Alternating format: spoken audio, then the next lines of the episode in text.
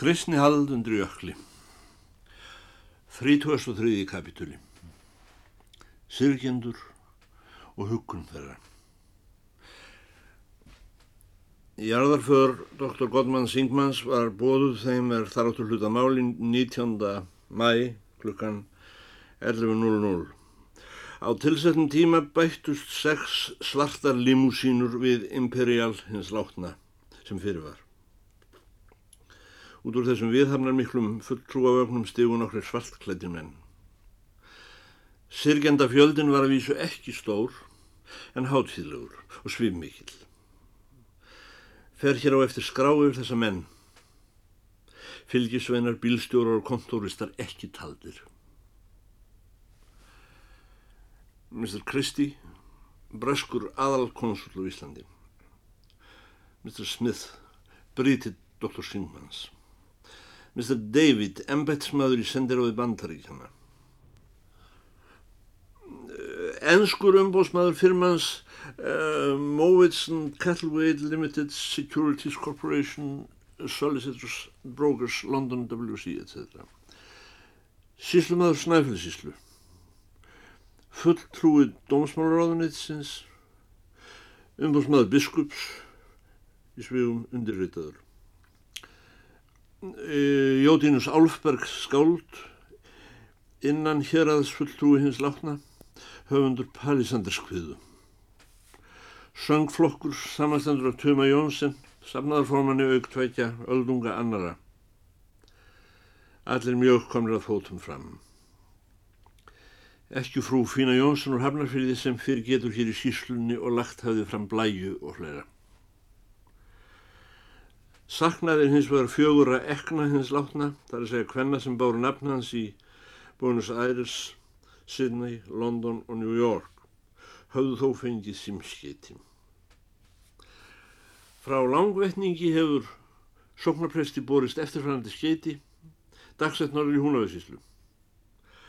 Harma að ná ekki greftrun, vona að koma til upprísu, hef selt hestana. Kjær hverja. Helgi á torfhvalastöðum. Hér verður farið létt yfir langar fortölur sem uppi voru höfðar við hér að Jón Prímus fram á síðustu stund svo óljúkt var prestinum að vera fyrir þessari aðtörn. Eða réttar að segja erfitt að nutta á hann til þess. Hann sætt var að slæmir í fætinum og hafa fengið kvef, nokkuð til í því. Ekki haft tíma til að sofa í þrjá sólarhinga sækir ábyrðarfullra embættis anna. Umdeilanlegt.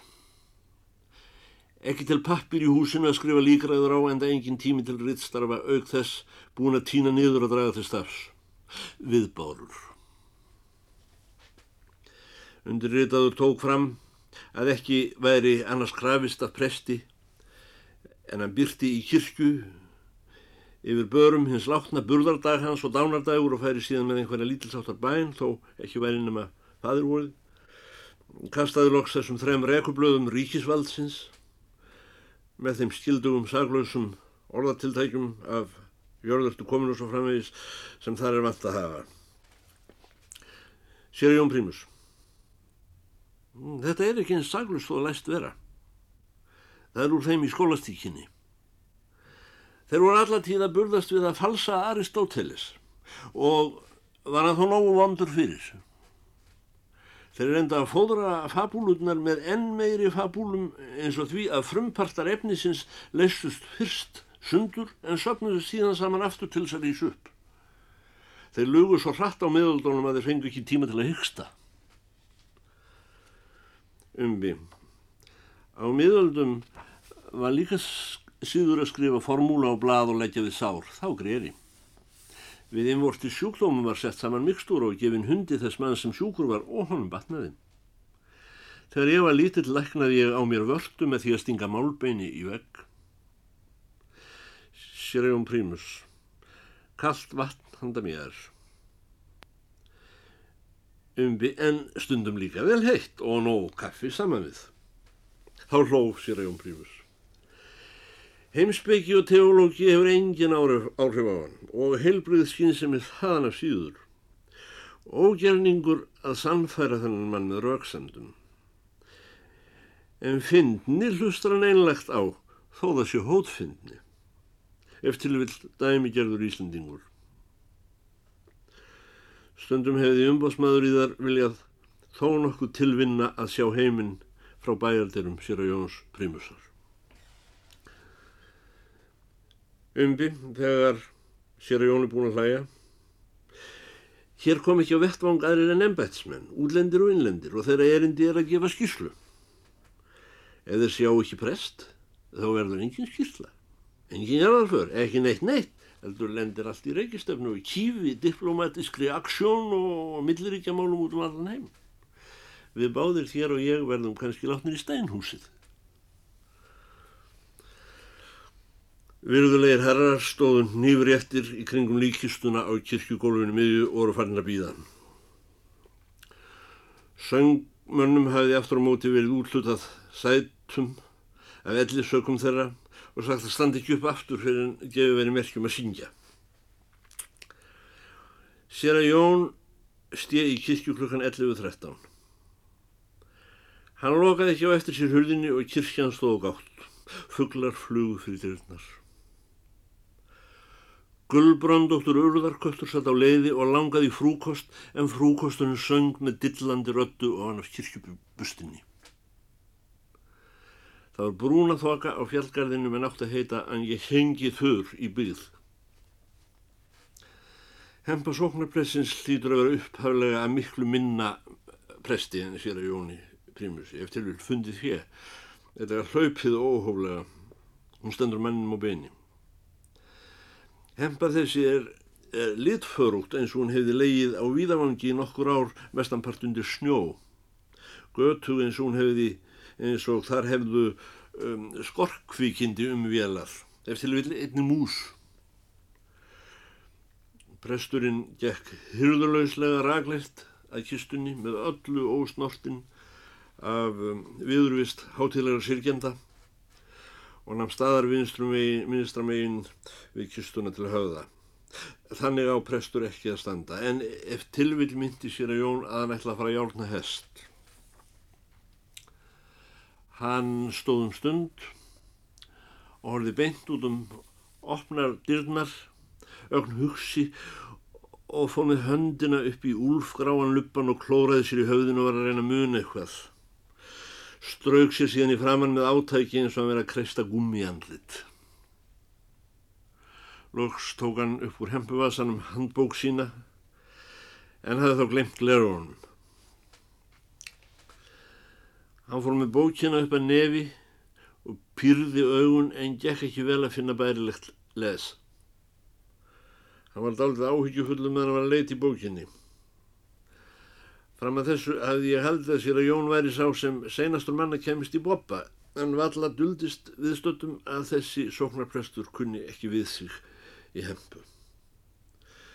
Sjálfum fannst mér að nú sæi ég sér að Jón prímus í fyrsta sinni vera ekki að leika sér. Konsul breyta lítur að undirlituðum og spyr í hljóði á vegna hennar hátegnar hvort ekki sé áreðanlegt að um, þessi maður trú og Guð. Umbi. Yes. Nú finnur sér að Jón aftalegi bókinni þær formúlur sem eru fyrirskipaður í móldum svo nefndra fulltíða manna sem ekki fá sérstakar líkræðu. Er þá venjulega átt við nýðursetninga og þjófa ellegar strandlík og skerná. Þar standa meðal annars orðin drottin þú letur mannin hverfa til duftsins En sér að Jón Prímus hristur höfuð og hleypur líka yfir það. Þegar hann hefði gripið ofan í hér og hvar og bragðað á orði og orði sitt í hverjum stað, þá kemur hann loksins að grein og staldrar við hefur sjálfsagt verið búin að gleiminni. Fyrir nú að prófa þessa grein og vegur og meður hvert orð með sjálfum sér. Tó svo vel mátti heyra en e, síðan lesa hann upp átt því að enginn voru lifir sjálfum sér og enginn deyr sér sjálfum. Því ef við lifum, þá lifum við drottni, deyjum við, þá deyjum við drottni. Þar fyrir hvort við lifum eða deyjum, þá erum við drottins. Sér að Jón Prímus við sjálfa sig. Þetta er nokkuð gott.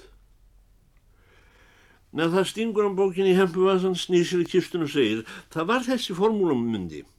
Ég var að reyna að koma þér í skilningum hana, en tókst það ekki. Það gerður raunar ekki til. Við komumst ekki kringum þessa formúlu hvort þið er. Það er létt verk að sanna formúlans í raung, en hún er að mista kosti það rétt að heimurinn hefur orðið til. Hitt er ekki orðavert að ætla að gera skaparanum upp líðræniðis hugssjónir eða félagslegar dýðir eða halda maður geti hræstan með gráti og emjan og samfærstan með raukfræði og, og, og lögkrókum. Ekki það eins út í bláinu orð. Allt þetta og meira til vissi sér að Jens eitinn á Setbergi. En hann vissi líka að formúlan er í handraða. Það sem afgangs er kemur af sjálfu sér. Sköpunarverkið þar með þú og ég, við erum í formúlunni. Þessari hérna formúlu sem ég var að lesa og uh, það er engin undan komið leið. Því að enginn lifir sjálfum sér og svo fræðis og, og hort við lifum með degjum þá og svo fræðis. Þér finnst leiðinlegt að djöflar skuli ráða jörðinni og þar á leiðandi ekki tekið mark nema á einni digð í blöðunum, mandrápum.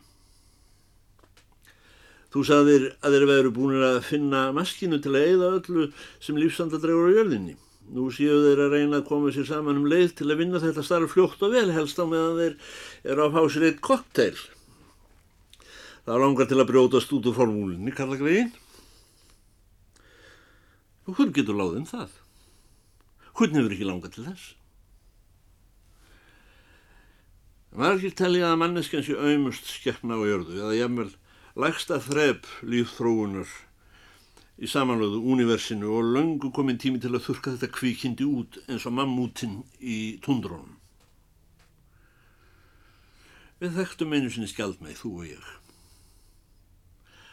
Það var að aldrei fundið um hana nema eitt orð. Úa. Svo dásamlega var þessi sköpun eða ekkir ofsögum sagt að hún hafi verið með öllu óþólanleg en það held ég við tveir höfum hjálpast að því að koma henni fyrir og kannski lifur hún þó. Það var aldrei til neitt líkt henni. En svo allir miklir raðsjónalistar trúður þú á hluti sem voru helmingi lílegar en Guðfræðin. Ég býði velkomin í þetta fátæka prestakallundur jökli að saminast aflvaka sköpunarverksins og viðsmunnaverum sem er að búa á fjörginjum Eh, mjölkringana. Það var vel tilfundið að þú skildir kalla þér til fyldar þá menn sem hafa stillilagumálið á valdi sínu og þar með sambandi við lífgæðvar verur ómælisrúmsins.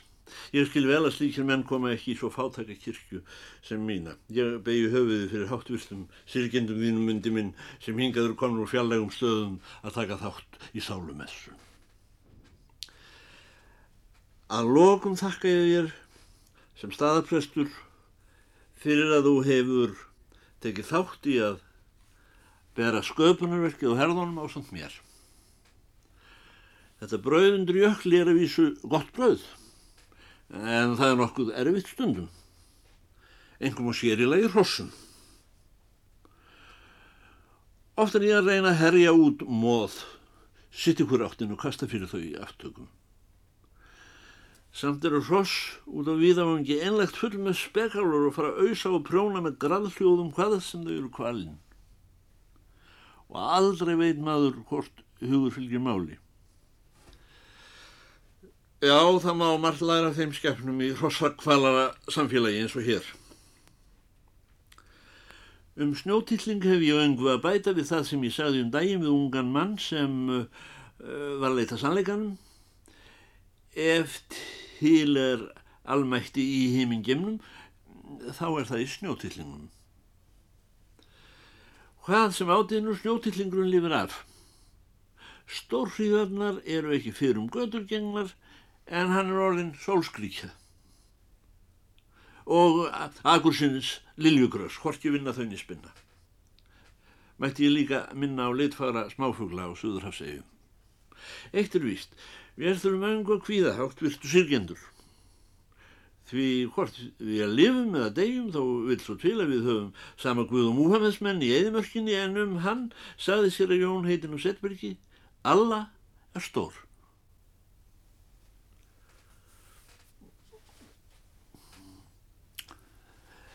Þrítúst og fjóruði kapitúli Auka dagur undir jökli Ég vakna fullsvefta Í gerðkvöldi laðist ég niður í þeirri trú að nú væri ætlunarverki mínu lokið og kristni hald undir jökli nokkurnu veginn komið á pappir. Andlátt prófessor doktor Godmans Singmans var sömulegðis á endakljáð með Sigri og með það hafði ég enn einu sinni eh, látið onni hjá mér. Lengi hef ég ekki sofið svona verðt. Áhullunartími hérðan sami og áður, 11.45 það er ekki fyrir ég er búin að raka mig og sé hvar, að ég sé hvar brefsnuttu hefur verið smegt millir stafs og hurðar, það liggur á gólfinu fyrir innan þröskuldin. Klukkan þrjú nótt. Kæri elskulegi herra umbóðsmaður. Mun þurfa á kirkjun að halda í kvöld eins og okkur samtist um, en tímd ekki að vekiður þar að lútandi um hánótt. Erum að leggja á stað, á jökul, um óttubil, í sólarróð og vonum hann á háttum í kvöld með dálítinn farangur. Ég og Jótinus og mannkinsfræðar þrýr, auk truks, beltabíls og jeppa með því hestar mínir hafa nú líklega verið höfðir í kjötsúpu Norðurlandi. Því miður eru mótorvélar ekki hallkvæmar stillilagmálunum. En nú verður skrýða til skarar því determinantar vorir eru á förum og spáð þurki enda bjart á jökulinn. Þrátt fyrir maskinir í mun D-exelixis sigrast á dys-exelixis, í mun sigrast á ypsilon, það er voru trú, mun þá velfara, mun þá heimur heilverða og ég mun kaupa stóra hesta, helgi. Hana nú verður undirlituðum á orði, mátti ekki svo sem búast við þessu. Eða hafði ég verið svo einfaldur að ímynda mér að sólbrósandi heims peksari eins og oddvitin og torfkalastöðum myndi gefa upp á bátinn. Auðvitað hætta ekki svona menn fyrir en D-exelixis hefur sigrast á dys-exelixis. Nú stendur Guðshúsið sem sé berskjaldað og á gátt handa hvaða hérvillingi sem er og sér að Jón komin út um allar trissur að sinna ábyrðar miklum embættistörfum eins og fyrirtægin. Þar af leiðar að hér verði ég enn að láta fyrir berast til Guðls og freysta þess síðan með biskuplegu hulltingi og kenniveldi að verja frelsurum þessum kirkjuna.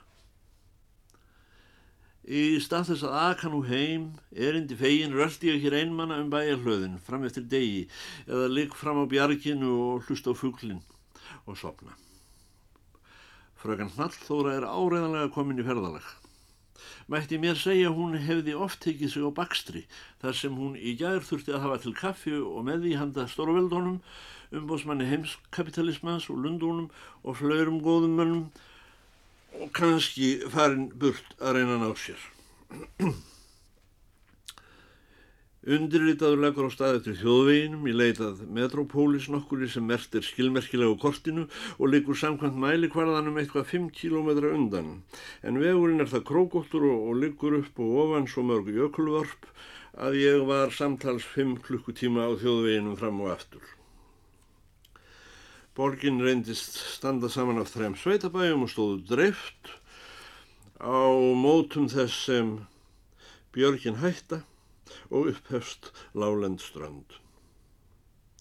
Í kjallara á einum bæjana fannst búðarhóla og loks þegar ég náði frúna seldi hún mér af matarbyrðum veslunarinnar forlegið súkulaði og niður svona sperla í dósum og vitanlega hefð fræga prins Pólokeks, þann munað sem Íslandingar hafa leift sér einan í mat eftir að þeir urðu auðu þjóð.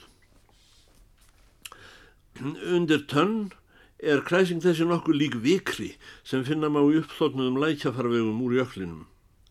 Nefna augreitis dulítið sætmullubræð sem gera myndi normaran vikur ívið óætari en ella.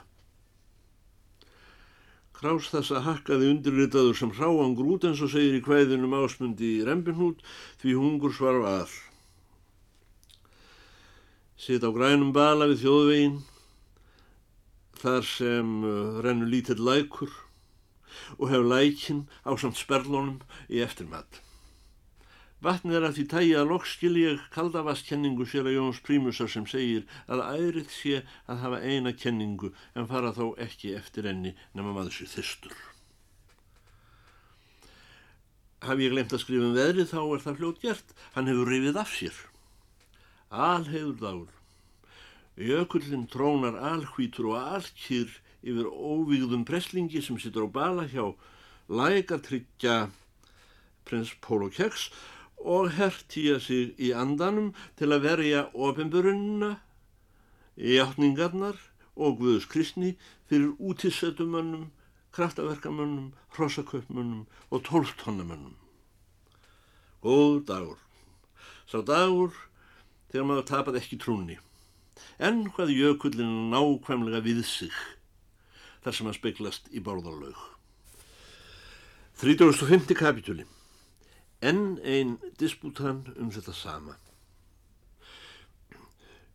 Umbi við Helga Bonda á Torfkvælastöðum, Langavæstal, síðlakvölds.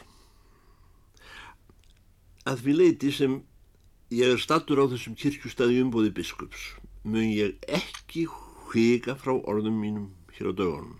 Fyrst er að sjá hvað er í kassan, en taka ekki ákvörðun fyrir þar á eftir hvort innihaldinu skuli veita kirkjulega þjónustu.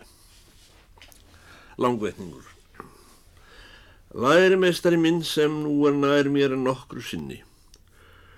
Honum þótti mikið viðleggja að kassin hliti ebagógiska meðferð.